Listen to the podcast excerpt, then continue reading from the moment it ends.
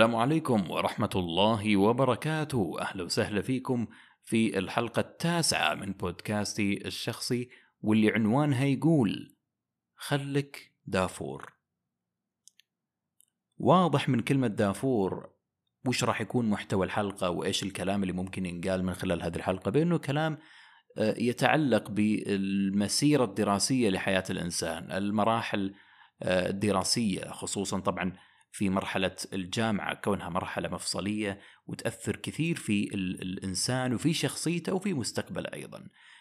هذه الحلقة هي راح تسرد لكم أو راح يعني أنزلها لكم بناء على تجربة شخصية. وأحب أنبه وأقول آه، بأنه ما, ما أتمنى أبدا أن أي أحد فيكم يسمع هذه الحلقة بأنه ياخذ هذه التجربة الشخصية مثل الكتاب الثابت أو القرآن المنزل اللي بناء عليه خلاص كل شيء راح يكون صحيح. لا هي مجرد تجربة شخصية آه، من شخص قدر. الحمد لله أخوكم المتواضع إني أتخرج الأول على الدفعة في الجامعة في عام 2020 في تخصص الهندسة الكهربائية. ودي أسرد تجربة تتعلق بكيف أقدر أطلع من المرحلة الجامعية بأكبر فائدة ممكنة من جميع النواحي. من ناحية معدل من ناحية تطوير للذات من ناحية تعلم أمور كثيرة وكل هذه الأمور راح أقولها لكم ولكن ودي أصدمكم قبل ما أكمل كلام بأنه أنا صحيح إني تخرجت الأول على الدفعة وربي كتب لي المعدل الممتاز ولكن أنا أكره تخصصي. أكرهه جدا جدا جدا جدا. أنا درست الهندسة الكهربائية وتخرجت منها الأول على الدفعة ولكني أكرهها. ولا أحب أطور نفسي فيها نهائيا. ولا أحب أقرأ فيها ولا حتى أسمع اسم التخصص. ومع ذلك أعمل فيه. والآن لي سنة ونصف في المسار المهني. أعمل بتخصصي. آآ آآ ربما نوعا ما يعني ابتعدت عنه بشكل أو بآخر ولكن في النهاية توظفت على هذه الشهادة وقاعد آخذ فيها مصدر دخل معين وانتهى. هذه صفحة الجامعة وانطوت. هذه المعلومة اللي أنا ودي أقولها لكم بالبداية. أو السؤال اللي ممكن أقدر أجاوب عنه. لازم أحب تخصصي؟ وهذا ممكن أسأل نفسي فيه في نص مشواري بالجامعة. شفتوا كل هذه الأسئلة؟ وكل هذه الأقاويل؟ وكل هذه الأفكار اللي ممكن تجي للشخص واللي يفكر فيها أنه أنه أنا الآن في نص مرحلتي الدراسية وقاعد أسأل نفسي هذه الأسئلة هل هذه راح تأثر بالمستقبل؟ أنا أعطيتكم الجواب من البداية وقلت لكم أنا إنسان ما أحب تخصصي واكرهه جدا ولا أحب أطور نفسي فيه ومع ذلك أنا أعمل فيه وأحصل على مصدر مصدر دخل ثابت منه وانتهى هذا هذه صفحة وانطوت. والحياة أكبر بكثير من التخصص. كل هذه المعلومات وكل هذه الأمور راح تسمعونها من واحد تخرج الأول على الدفعة ويكره تخصصه يعني هذه يمكن من أغرب الأمور اللي ممكن تحصل آه، آه، آه، في الحياة إن في شخص متخرج بنتائج ممتازة جدا ولكنه ما يحب تخصصه ويعمل فيه بالنهاية. ومع ذلك أنا قررت إني أنزل هذه الحلقة وأسرد فيها التجربة اللي طلعت منها أنا من الجامعة واللي قدرت فيها الحمد لله إني أتخرج بهذه النتائج الممتازة وش الأشك... الأمور اللي أنا ممكن أسويها من الجامعة تضمن لي بإذن الله نتائج وأرقام ممتازة شخصية مطورة وناضجة بما فيه الكفاية لتجابه الحياة وصعوبات الحياة وأيضا للصعوبات اللي ممكن يواجهها الشخص في سوق العمل وغيرها من الأمور اللي راح تسرد لكم في هذه الحلقة إن شاء الله. أنا ودي أسرد هذه الأمور على شكل بنود مثل ما تعودت في آخر ثلاث حلقات تقريبا. كنت تعودت جدا في سرد الحلقة آه على آه آه اللي يسمونها ال bullet points اللي هي واحد اثنين ثلاثة التعداد اللي أعدده وأذكر فيه فوائد معينة أو مشاكل معينة أو توصيات معينة وغيرها. طبعا في هذه الحلقة هي راح تكون توصيات معينة بناء على تجربة شخصية. التوصيات هذه جميعها اللي راح تسرد في هذه الحلقة الهدف منها هو الحصول على أفضل نتائج ممكنة. من الجامعة. أول نصيحة وهذه نصيحة تنطبق على جميع التخصصات وهلم جرة لجميع التوصيات اللي راح أوصيها لكم من خلال هذه الحلقة. أنا ما أتكلم فقط عن التخصصات العلمية أو التخصصات الهندسية أو أحدد بعض من التخصصات الثانية، لا أنا أتكلم عن جميع التخصصات سواء كانت علمية هندسية أدبية آه، طبية غيرها من التخصصات اللي تدرس في الجامعة أول نصيحة هي الدراسة الأول بأول وهذه كثير وهذه كثير تأثر على ثقتك بنفسك وأنت قاعد تاخذ المادة هذه. يعني أنا الآن بديت الكورس من بداية آه، الجامعة وأول محاضرة آه، والله ما أدري الدكتور يحضر ولا ما يحضر العادة ما يحضر طبعا ويجي من ثاني محاضرة أو ثالث محاضره طبعا اللي يحضر أول محاضرة هذا حالة خاصة يعني. ولكن اللي يجي في ثاني محاضرة أو ثالث محاضرة وتبدأ معاه الكورس ويبدأ في سرد المادة لكم وعرض المادة من هذه اللحظة أنت تبدأ تدرس أول بأول. يعني ما في مفر من إنه أنت إذا أردت إنك تحصل على نتائج ممتازة ومضمونة وأتكلم عن مضمونة في ناس ما تدرس أول بأول وتجيب درجات. لا أنا أحب أعطيك الطريق السهل والواضح. آه، يعني واحد زائد واحد يساوي اثنين. إذا في عنده واحد آه، آخر والله مثلا ما يدرس أول بأول يجيب نتائج هذا حالة خاصة. ولكن الطريقة المضمونة هي الدراسة أول بأول. المحاضرة اللي أخذتها اليوم أدرسها اليوم. يعني أنا أخذت ساعة الصبح أرجع البيت على سبيل المثال بعد العصر بعد المغرب قبل النوم أي وقت مجرد أقرأ. هذه المحاضره وأشوف شنو الدرس اللي أخذته أنا اليوم. حتى أقدر أثبتها بمخي. هذا مثلا بالنسبة ليوم الأحد. المحاضرة لنفس المادة مثلا دائما يكون نظام الجامعة أحد ثلاثاء خميس لمادة معينة مثلا. أروح لمحاضرة الثلاثاء أخذتها الصبح أرجع أدرسها. مجرد هذه السلسلة تمشي معاي إلى نهاية الترم. أنت مو بس راح تاخذ درجات ممتازة إن شاء الله أنت راح تشعر براحة نفسية أصلا. وهذا المطلوب يعني إحنا الجامعة أصلا لحالها ضغط يعني مجرد ما أقول كلمة جامعة أعرف إن في ضغوطات على طول مهما كان التخصص. لكن بالدراسة أول بأول أنا راح أرتاح. وأنا أشعر إني أنا ماشي مع الدكتور اللي قاعد يدرسني. يعني الدكتور هو ماشي في مسار معين كأنه قاعد يسوق سيارة وماسك مسار. أنا ما راح أوقف بالمسار الثاني وواقفة سيارتي من بداية ال term لآخر ال term أو مو آخر ال term أحيانا لين قبل الاختبار بيوم قاعد أدرس. لا أنا أبي أشغل سيارتي وأروح وياه. هو بدأ المحاضرة أنا أروح وياه المحاضرة. وأدرسها أول بأول وأمشي معاه. يبي اختبار أهلا وسهلا. يبي quiz أهلا وسهلا. جاء وقت ال final أنا جاهز. السبب هو الدراسة الأول بأول. أي محاضرة أنا آخذها أدرسها في نفس اليوم. وإن فوتها في بعض الأحيان ممكن تفوتني محاضرة معينة ما درستها بنفس اليوم أقدر أدرسها في اليوم الثاني أو في اليوم الثالث. المهم إنه ما يضيع الأسبوع هذا ويمر وينتهي وأنا ما درست المادة أول بأول. طبعا في مواد سهلة يعني في أحيانا في الجامعة في مواد سهلة يعني تكون مثلا المواد الحرة أو المواد اللي يسمونها الاختيارية أعتقد أو غيرها. ناسي والله المصطلحات هذه. ولكن تكون مادة سهلة وواضحة وما لها ما لها داعي أدرسها أول بأول هذه أوكي. يعني الواحد ما يعمل نظام صارم برضو على نفسه. لا هو يتم آه، آه، يعني ماشي مع المادة اللي تستاهل إني أمشي معاها وبعد كذا إن شاء الله راح يكون مرتاح نفسيا وهذا رقم واحد. من الراحة النفسية هذه بإذن الله راح يجيب درجات ممتازة في المادة اللي درسها أول بأول. هذه أول توصية أنا أحب أوصيها لأي شخص يرغب بأنه يتخرج بنتائج ممتازة من مرحلته الجامعية. التوصية الثانية آه، هي متعلقة بالتوصية الأولى. التوصية الأولى طبعا كانت الدراسة أول بأول. التوصية الثانية لابد أنك تكون صبور وتجتهد وتتحمل الملل أحيانا. يعني إحنا عارفين أن الجامعة ما هي فن. يعني أنا ما راح أضحك على نفسي وأقول أنا والله مستمتع بالدراسة. لا والله أنا قاعد أدرس عشان أقدر أخذ نتيجة ممتازة.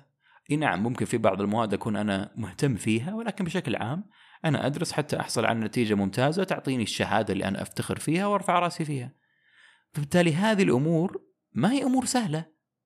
وأمور تتطلب الصبر والجهد وتحمل الملل اللي يكون موجود أحيانا. يعني لا تتوقع أن هذه التوصية الأولى اللي هي الدراسة أول بأول بتكون سهلة حيل، لا لا في بعض الأحيان راح تجيك مواقف معينة بتشعر فيها بالملل. هني أنت تذكر أنك أنت لازم تصبر وتتحمل لأن أنت تبي هدف صعب والأهداف الصعبة مستحيل أنك تقدر تحصل عليها من من من الأمور السهلة أو من الطرق السهلة. لابد يكون في بعض الأمور حتى لو كانت النفسية اللي ممكن يكون فيها ملل ضجر آه يا يبا أنا ليش أدرس؟ خلاص يلا. إذا جاء اختبار أدرس وقت الاختبار وانتهى وأجيب درجة زينة وخلص الموضوع. لا الواحد لازم يصبر ويعرف إنه هذه المشاعر ممكن تجي في أي لحظة في المادة اللي يدرسها وقس عليها المواد الثانية اللي قاعد تدرسها أول بأول. إنك توعى بهذا الشيء هذا نص الحل.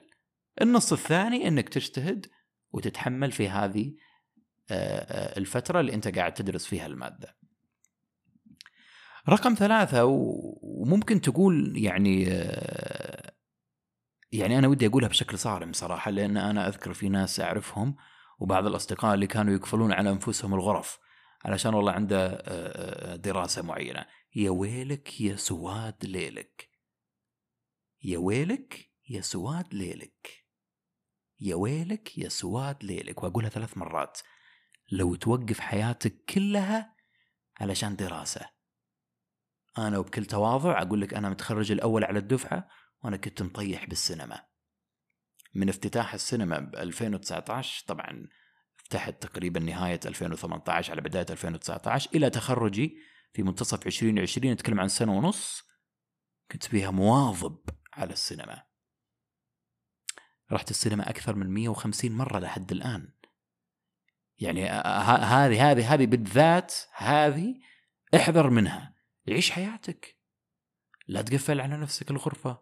وتقول أنا والله عندي اختبار بعد أربع أيام بعد ثلاث أيام ما أبي أطلع مع أصحابي ما أبي أروح سينما ما أبي أروح الكافي الفلاني والمطعم الفلاني أه البحر وغيرها وهالأمور. لا روح تمشى هذه من أهم الأمور اللي لازم تدير بالك عليها. انتبه إنه يكون في عندك نوع من ال ال ال ال ال خلينا نقول الحالة النفسية اللي تخليك تعتقد إنك إذا حبست نفسك في البيت معناته درجاتك راح تزيد. لا ما لها علاقة حبيبي ما لها علاقة ابدا. هذه هذه هذه أعتقد إنها منتشرة حيل صراحة وأنا ما عمري شفت واحد سواها وجاب درجات ممتازة بالنهاية. لا دائما يعني تلقى درجته يا افريج في المتوسط أو جايب درجة يعني مش ولا بد. فهذه هذه من من أهم الأمور اللي لازم تسويها. عمرة إنك يعني إنك توقف حياتك. والله عشان عندك امتحان بعد أسبوع ولا بعد أربع أيام توقف حياتك كلها لا تعتقد إن هذا قاعد يسوي دال دالة تصاعدية. أنت قاعد تزيد درجاتك بهالطريقة ما له علاقة. وشخصيا أنا ما عمري سويتها. والحمد لله قدرت أطلع بنتائج ممتازة. آه ما ما كان للسينما أي علاقة في إنه أنا والله مثلا درجاتي راح تنخفض؟ لا ابدا. بالنهاية درجاتك راح تزيد بناء على توصية رقم واحد دراستك أول بأول. توصية رقم اثنين تتحمل هذه ال ال ال ال ال العملية اللي أنت قاعد تسويها الدراسة المستمرة. وقس عليها إن شاء الله التوصيات اللي راح أقولها لك الآن. بعد التوصية رقم ثلاثة واللي هي عبارة عن لا توقف حياتك. كمل حياتك مثل ما هي. خلي جزء بسيط من يومك بسيط جدا من يومك للدراسة أول بأول. وكمل حياتك بشكل طبيعي. صحيح إذا كان عندك اختبار بعد يوم أو بعد يومين قد يكون هناك نوع من زيادة عدد ساعات المذاكرة هذا شيء طبيعي ولكن لا توقف حياتك فيها. هذه من أهم الأمور لازم الشخص يسويها في دراسته بالجامعة التوصية رقم أربعة آه في في في مفهوم منتشر حيل آه يعني هو المفهوم يتعلق وش الهدف من الدراسة؟ أنا إيش قاعد أدرس؟ تجي الأفكار أحيانا أنا وأنا بنص دراستي قاعد أتذكر أنا ليش داخل الجامعة وقاعد أدرس في ناس والله بالثانوية بشهادة ثانوية قدر يفتح business وقدر ينجح مثلا فليش أنا قاعد أدرس بالجامعة؟ والله أنا أحب أجاوبك وأقول لك أنت تدرس بالجامعة عشان تأخذ وظيفة. ما في أي مشكلة. يعني في بعض الأقاويل وفي بعض الأفكار اللي اللي أنا أذكر انتشرت في فترة انتشرت وأعتقد لا زال لا زال في البعض يفكر بهالأسلوب. آه، بأنه إحنا لا ندرس بالجامعة بحثا عن الشغف وبحثا عن تطوير العلم وغيرها من هذه الأمور، نعم كلامه صحيح، ولكن وش الهدف الرئيسي؟ أنا ليش ليش باخذ الوثيقة هذه الورقة اللي أخذها هذه بعد خمس سنين ولا بعد أربع سنين, من الجامعة؟ نعم أنا أبي أتوظف. أنا أبي وظيفة أخذ فيها دخل مادي. والله الأمور الجانبية وشغف و... وتطوير العلم وهذه الأمور اي موجودة أنا ما أقدر أقول لك لا بس هذه أمور جانبية. إذا إذا كانت موجودة ما في مشكلة. يعني أنا من بداية الحلقة أذكر آه، وما بداية الحلقة يمكن أول ثلاث دقائق قلت لكم إن أنا ما أحب تخصصي وأكرهه. معناته ما كان في شغف للتخصص ولكن الهدف الأساسي من الجامعة لا زال موجود اللي هو الحصول على الوثيقة لأجل الحصول على وظيفة وهذا هدف ما في عيب يعني. يعني بالنهاية الشخص يدرس عشان ياخذ وثيقته ويروح ياخذ وظيفة تأمن له دخل آه، مادي معين يقدر من خلالها يعيش عيشة كريمة ويقدر يسد فيها حاجته وغيرها من الأمور. الشغف وتطوير العلم وإني أنا أقرأ في التخصص أكثر وأكثر هذه أمور موجودة نعم ولكنها تظل أمور جانبية. الأمر الرئيسي هو أن أنا باخذ وظيفة. فهذه الأفكار هي هي هي هي, هي اللي اللي انتشرت في فترة معينة وأعتقد أنها زالت موجودة ولكن الهدف الأساسي هو التركيز على الحصول على وثيقة معينة وأيضا إني أنا أركز إني أنا قاعد أؤدي ما علي دراسة اللي أنا أدرسها أدرسها بشكل سليم أختبر وأنا راضي ضميري وغيرها من هذه الأمور. آه، التوصية الخامسة أنا ودي أحب أذكر أي أحد يدرس آه، بالجامعة تذكر أن الجامعة هي مكان يعلمك شلون تتعلم شلون تبحث عن المعلومة شلون تتأكد من المعلومة شلون تنشر المعلومة شلون يعني تعتقد أن المعلومات اللي أنت قاعد تدرسها هذه هي معلومات لأنك أنت يعني حصلت عليها لأنك أنت عرفت كيف تتعلم. آه هذا هذا الهدف الأساسي من الجامعة. الجامعة عمرها ما كانت مكان يعلمك عن الحياة ويعلمك عن عن سوق العمل كيف صاير. عمرها ما كانت الجامعة بهالشكل وأنا أعطيكم الدليل لهذا الأمر. الجامعة والتخصصات بشتى أنواعها هي تخصصات مبنية على مناهج خليني أقول شبه ثابتة. يعني لو أتكلم عن تخصصي الهندسة الكهربائية أنا أول سنة لما أدرس في التخصص أنا قاعد أدرس نظريات موجودة من التسعينات ويمكن من قبل حتى أعتقد إذا يعني يمكن تكون قديمة يعني يعني ممكن حتى من قبل قرن تكون النظريات اللي قاعد أدرسها. النظريات الكهربائية غيرها من الأمور. قانون أوم آه والأمور هذه اللي اللي تتعلق بالهندسة الكهربائية هذه هذه أمور قديمة. فأنا قاعد أبني عليها قاعد آخذها واسس نفسي فيها حتى أقدر أفكر بطريقة حديثة في التخصص بعد ما أخلص سنوات معينة في التخصص. ولكن يظل بالنهاية هذا منهج شبه ثابت. لكن سوق العمل عمره ما كان ثابت. والحياة عمرها ما كانت ثابتة. الحياة متغيرة ومتقلبة. معناته الجامعة هي بس تعلمني كيف أتعلم. بس. يعني هي ما راح تعلمني عن الحياة ولا راح تعلمني عن سوق العمل وكيف صاير. مستحيل. لا يمكن. إلا لو كان هناك ربط ودمج بين الجامعة وسوق العمل. وهذا شيء مستحيل طبعا. لو أنا قدرت في طريقة معينة أدمج سوق العمل والحياة مع الجامعة إيه هني أنا ممكن أقول لك. لكن الجامعة بحد ذاتها هي عبارة عن مناهج ونظريات ومعلومات شبه ثابتة قد تتغير ولكن ما لا تتغير بشكل جذري في معظم التخصصات. تظل نفس ما هي اللي دخل تخصص الهندسة الكهربائية ب 2003 راح ياخذ نفس المعلومات اللي يدرس تخصص الهندسة الكهربائية في عام 2015 مع إنه فرق 12 سنة ولكن هي نفس المعلومات بالنهاية. ولكن اللي دخل في سوق العمل ب 2003 ابدا مو نفس اللي دخل سوق العمل في 2020 أو في 2015 وغيرها من السنوات. هذا هذا أكبر دليل إن الجامعة هي وسيلة لتعلم كيفية التعلم. يعني يعني لو نفكر فيها كجملة أنا أتعلم شلون أتعلم؟ يعني أنا ما تعلمت شيء. أنا بس قاعد أتعلم طريقة تخليني أتعلم شغلات ثانية. وهذا هو الهدف الأساسي من الجامعة بالنهاية. التوصية السادسة آه، أنت تحتاج لعمل ضبط لبعض السلوكيات اللي موجودة بحياتك. على سبيل المثال الواحد يواظب على صلاته لأن صلاته راح تنظم يومه كامل. ومجرد إنك تنظم يومك كامل راح تشعر براحة واطمئنان وصفاء ذهني عظيم جدا. هذا بالتأكيد راح يأثر على مستواك بالجامعة بشكل أو بآخر بنسبة عالية أو بنسبة منخفضة لكنه راح يأثر. فبالتالي هذه السلوكيات اللي أنا ممكن آه، أعدل فيها السلوكيات العامة العادات العامة هذه راح تأثر كثير على مسيرتي بالجامعة. وأول آه، آه، سلوك أنا ممكن أواظب عليه وأوصي بالمواظبة عليه سواء طبعا بالجامعة وغير الجامعة هي المحافظة على الصلاة. المحافظة على الصلاة هي من أبسط الأمور اللي أنا ممكن أسويها في يومي اللي تنظم لي يومي وتهديني صفاء ذهني وراحة نفسية جميلة.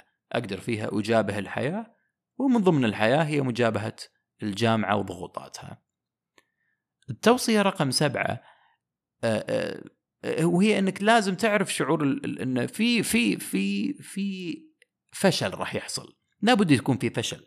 يعني أنا درست الهندسة الكهربائية وما أنسى مادة الرسم الهندسي وهذه كانت كابوس عظيم بالنسبة لي ويمكن أي أحد يسمع الحلقة من أصحابي راح يذكر كيف كنت أنا أعيش في كابوس. ولا أنسى الشهر كان يناير 2017 لما كنا على أواخر الترم وكانت مادة الرسم الهندسي تقرع الطبول وتعلن عن اقتراب ال final ويلا يا فهد جهز نفسك وأنا وين والرسم وين. هذيك المادة كان عليها ساعة ولكن أنا كنت أخاف إني أرسب فيها أذكرها. وأذكر إني جبت فيها بنهاية ال term 67 وأنا لما شفتها كدرجة اعتبرتها كأنها 107 مو بس 100 لأن بالنسبة لي كان النجاح فيها هو يمكن أفضل نتيجة جبتها في الجامعة هذه النتيجة إني أنا ما أرسب فيها. إن أهم شيء إن الرسوب آه، في مسيرتي الجامعية أنا ما ودي أقترب حتى منه ولكني اقتربت منه في هذه المادة وعشت آه، آه، شعور بالفشل صراحة. لما أشوف أصدقائي ما شاء الله عليهم كانوا مبدعين في المادة وكانوا يجيبون درجات ممتازة بينما أنا ما كنت عارف أرسم خط واحد. لأن أنا علاقتي مع الرسم غير وطيدة ابدا. فلا بد أن الواحد يعرف انه هناك فشل سيحصل. أنا فشلي كان بالرسم. شخص ثاني ممكن يكون فشل في بعض مواد الرياضيات مثلا. آه، شخص آخر قد يفشل في آه، آه، بعض المواد الطبية اللي هو يدرسها مثلا ما يحبها تخصص طبي مو حابه بس مضطر يدرسها. وقس عليها أمثلة كثيرة. فالفشل لابد أنه يحصل. وإن لم تسقط لن تتعلم. فالسقوط اللي يحدث في بعض الأحيان حتى لو كان رسوب أنا الحين ممكن أعطيتك مثال وقلت لك أنا ما رسبت قدرت آه يعني 67 قدرت أنحاش شوي من الرسوب لكن في بعض الناس رسبوا. وأعرف كثير من الأصدقاء ما شاء الله تبارك الله آه، آه، رسبوا في بعض المواد والآن ما شاء الله في كبرى الشركات يشتغل ومعدلة مو شرط يكون عالي ونعم يشتغل في كبرى الشركات. فالفشل موجود. والتوصيات اللي أنا أحطها بهذه الحلقة هي فقط للخروج بمخرجات أقرب إلى ممتازة إن شاء الله من الجامعة من كل النواحي من النواحي الشخصية من النواحي آه، العلمية وغيرها من النواحي اللي ممكن الواحد يستفيد منها في مرحلة الجامعة. التوصية رقم سبعة آه، آه، أعتقد عفوا وصلنا للتوقية التوصية رقم ثمانية. وهي توصية صراحة أنا اكتشفتها بالم... يعني أنا درست خمس سنين عرفت هذا الأمر في السنة الرابعة. يعني السنة قبل الأخيرة وهي الأنشطة اللا صفية أنا إنسان أعشق الإلقاء وسبق وذكرت هذا الشيء وذكرت عن علاقة الحب اللي تجمعني بيني وبين الإلقاء في حلقة آه، فوبيا التحدث أمام الجمهور أعتقد أنها كانت الحلقة رقم سبعة وهذه بدت طبعا آه، من أيام الثانوية بالنسبة لي ولكن في الجامعة الأنشطة اللا صفية أنا اشتغلت عليها من السنة الرابعة وأذكر في إبريل عام 2019 هذه القصة ممكن نطلع منها بفائده. كان عندنا اختبار final لواحدة من المواد الصعبة وكان الاختبار هذا عن جزء ال lab أو المعمل اللي يخص الجامعة عفوا المادة هذه. وفي نفس اليوم كانوا مختاريني الجامعة لتقديم آه، حفل معين يتعلق في واحدة من آه، آه، العمادات اللي موجودة بالجامعة.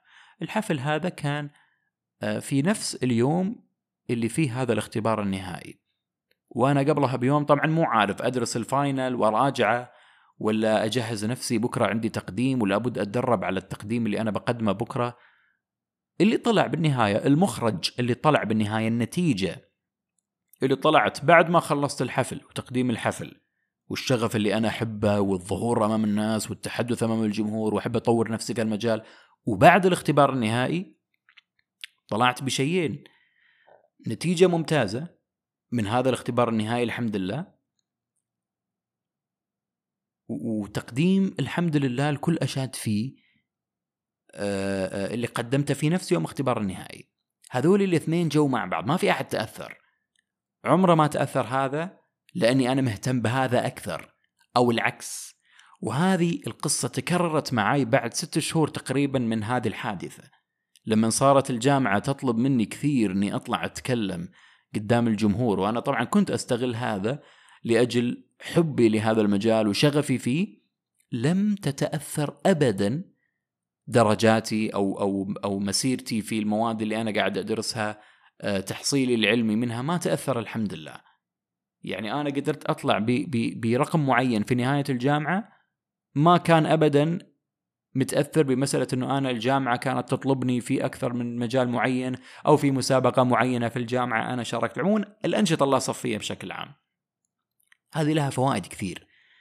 الأنشطة اللاصفيه راح تعطيني تطوير للشخصية هائل جدا جدا جدا. راح تعطي دفعة قوية لشخصيتك لأنها راح تتطور كثير لأنك راح تتعامل مع ناس مو نفس التعامل اللي أنت تتعامل فيه. يعني أنت دائما بالجامعة تحضر محاضرة عندك الدكتور آه، آه، آه، يعني تحضر محاضرته زملائك هذول الناس اللي أنت تتعامل معهم. ولكن الأنشطة اللاصفيه أنت قد تتعامل مع ناس منافسين لك مثلا في مسابقة أو في تطوع معين أنت تسويه فيكون معك زملاء آخرين.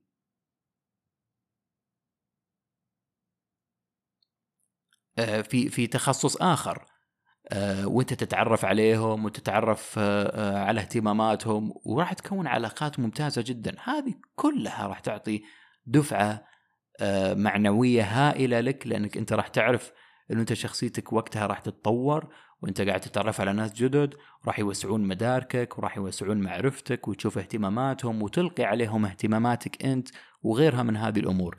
الأنشطة اللاصفيه تأثيرها جدا ممتاز. والحمد لله أنا أشوف إن الجامعات في المملكة آه، يعني قاعد تعطي آه، خلينا نقول صيت ممتاز أو اهتمام جدا جيد في هذا المجال. أعتقد عمادات شؤون الطلاب في مختلف الجامعات قاعدة تشتغل على هذا الشيء وتوفر كثير آه، أنشطة لا صفية لكل بكل الأنواع اللي يحب الإلقاء واللي يحب التطوع وغيرها من الأمور. هذه هذه أنا أشوفها صراحة الآن خصوصا في فترتنا هذه يعني خصوصا في منافسة هائلة في سوق العمل لابد أن الشخص يدخل على الأقل لو نشاط صفي آه، نشاط لا صفي واحد. مو عشان تكتب بال CV إن أنا دخلت التطوع الفلاني أو أنا شاركت بال... لا لا لا هذا راح يبان في شخصيتك. هذا راح يبان في المحيطين اللي اللي اللي, اللي يكونون معاك من أصدقائك راح يشوفون شلون شخصيتك تطورت. هذا راح يبان في ال interview اللي أنت ممكن تسويه المقابلة الشخصية اللي أنت تسويها بعد ما تتخرج. كل هذه الأنشطة اللاصفيه هي تهدف لصقل وتطوير شخصيتك. آه، التوصية الأخيرة وأعتقد أنها التوصية رقم تسعة إذا ماني غلطان أه انتبه تغش بالجامعة أو أحد يغريك أنك تغش أه بعيدا عن حرام وحلال حكم الغش ودليل تحريم الغش وغيرها لا لا أنا أنا ما راح أتكلم عن هذه الأمور لأن الأمور هذه واضحة لل... للعلن يعني.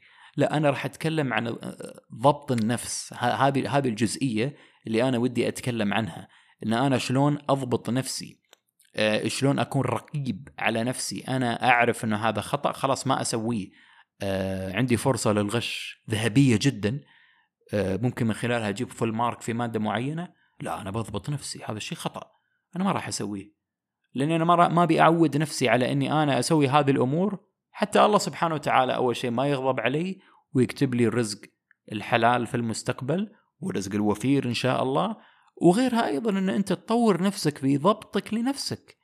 بأنه أنت ما ما تكون آآ آآ يعني خليني أقول سهل الإغراء يعني بهذه بهذه الأمور. الغش موجود في كل مكان طبعا بالثانوية وبالجامعة. لكن أنا هذه نصيحه فقط لأن أنت تضبط نفسك وتجعل شخصيتك قوية وجريئة. انه أنا ما أبي أغش انتهى الموضوع. أنا ما الغش عندي لا ممنوع بالنسبة لي. لا أغش ولا أغشش. هذه هذه الفكرة العامة من الموضوع. إن الواحد يهتم بضبط نفسه ويضبط شخصيته. هني راح تشوف شلون شخصيتك تتطور في المستقبل وشلون راح تكون قوي وشلون راح تكون جريء في معرفة الأمور الخاطئة وتمييزها عن الأمور الصحيحة في حياتك. يعطيكم ألف عافية. الحلقة وصلت آه، إلى تقريبا نص ساعة. آه، صراحة ما توقعت الحلقة توصل لهذه لهذا العدد من الدقائق. أتمنى تكونون استمتعتوا في هذه الحلقة. ونشوفكم إن شاء الله في الحلقة العاشرة القادمة بإذن الله. كان معكم فهد طلال. السلام عليكم.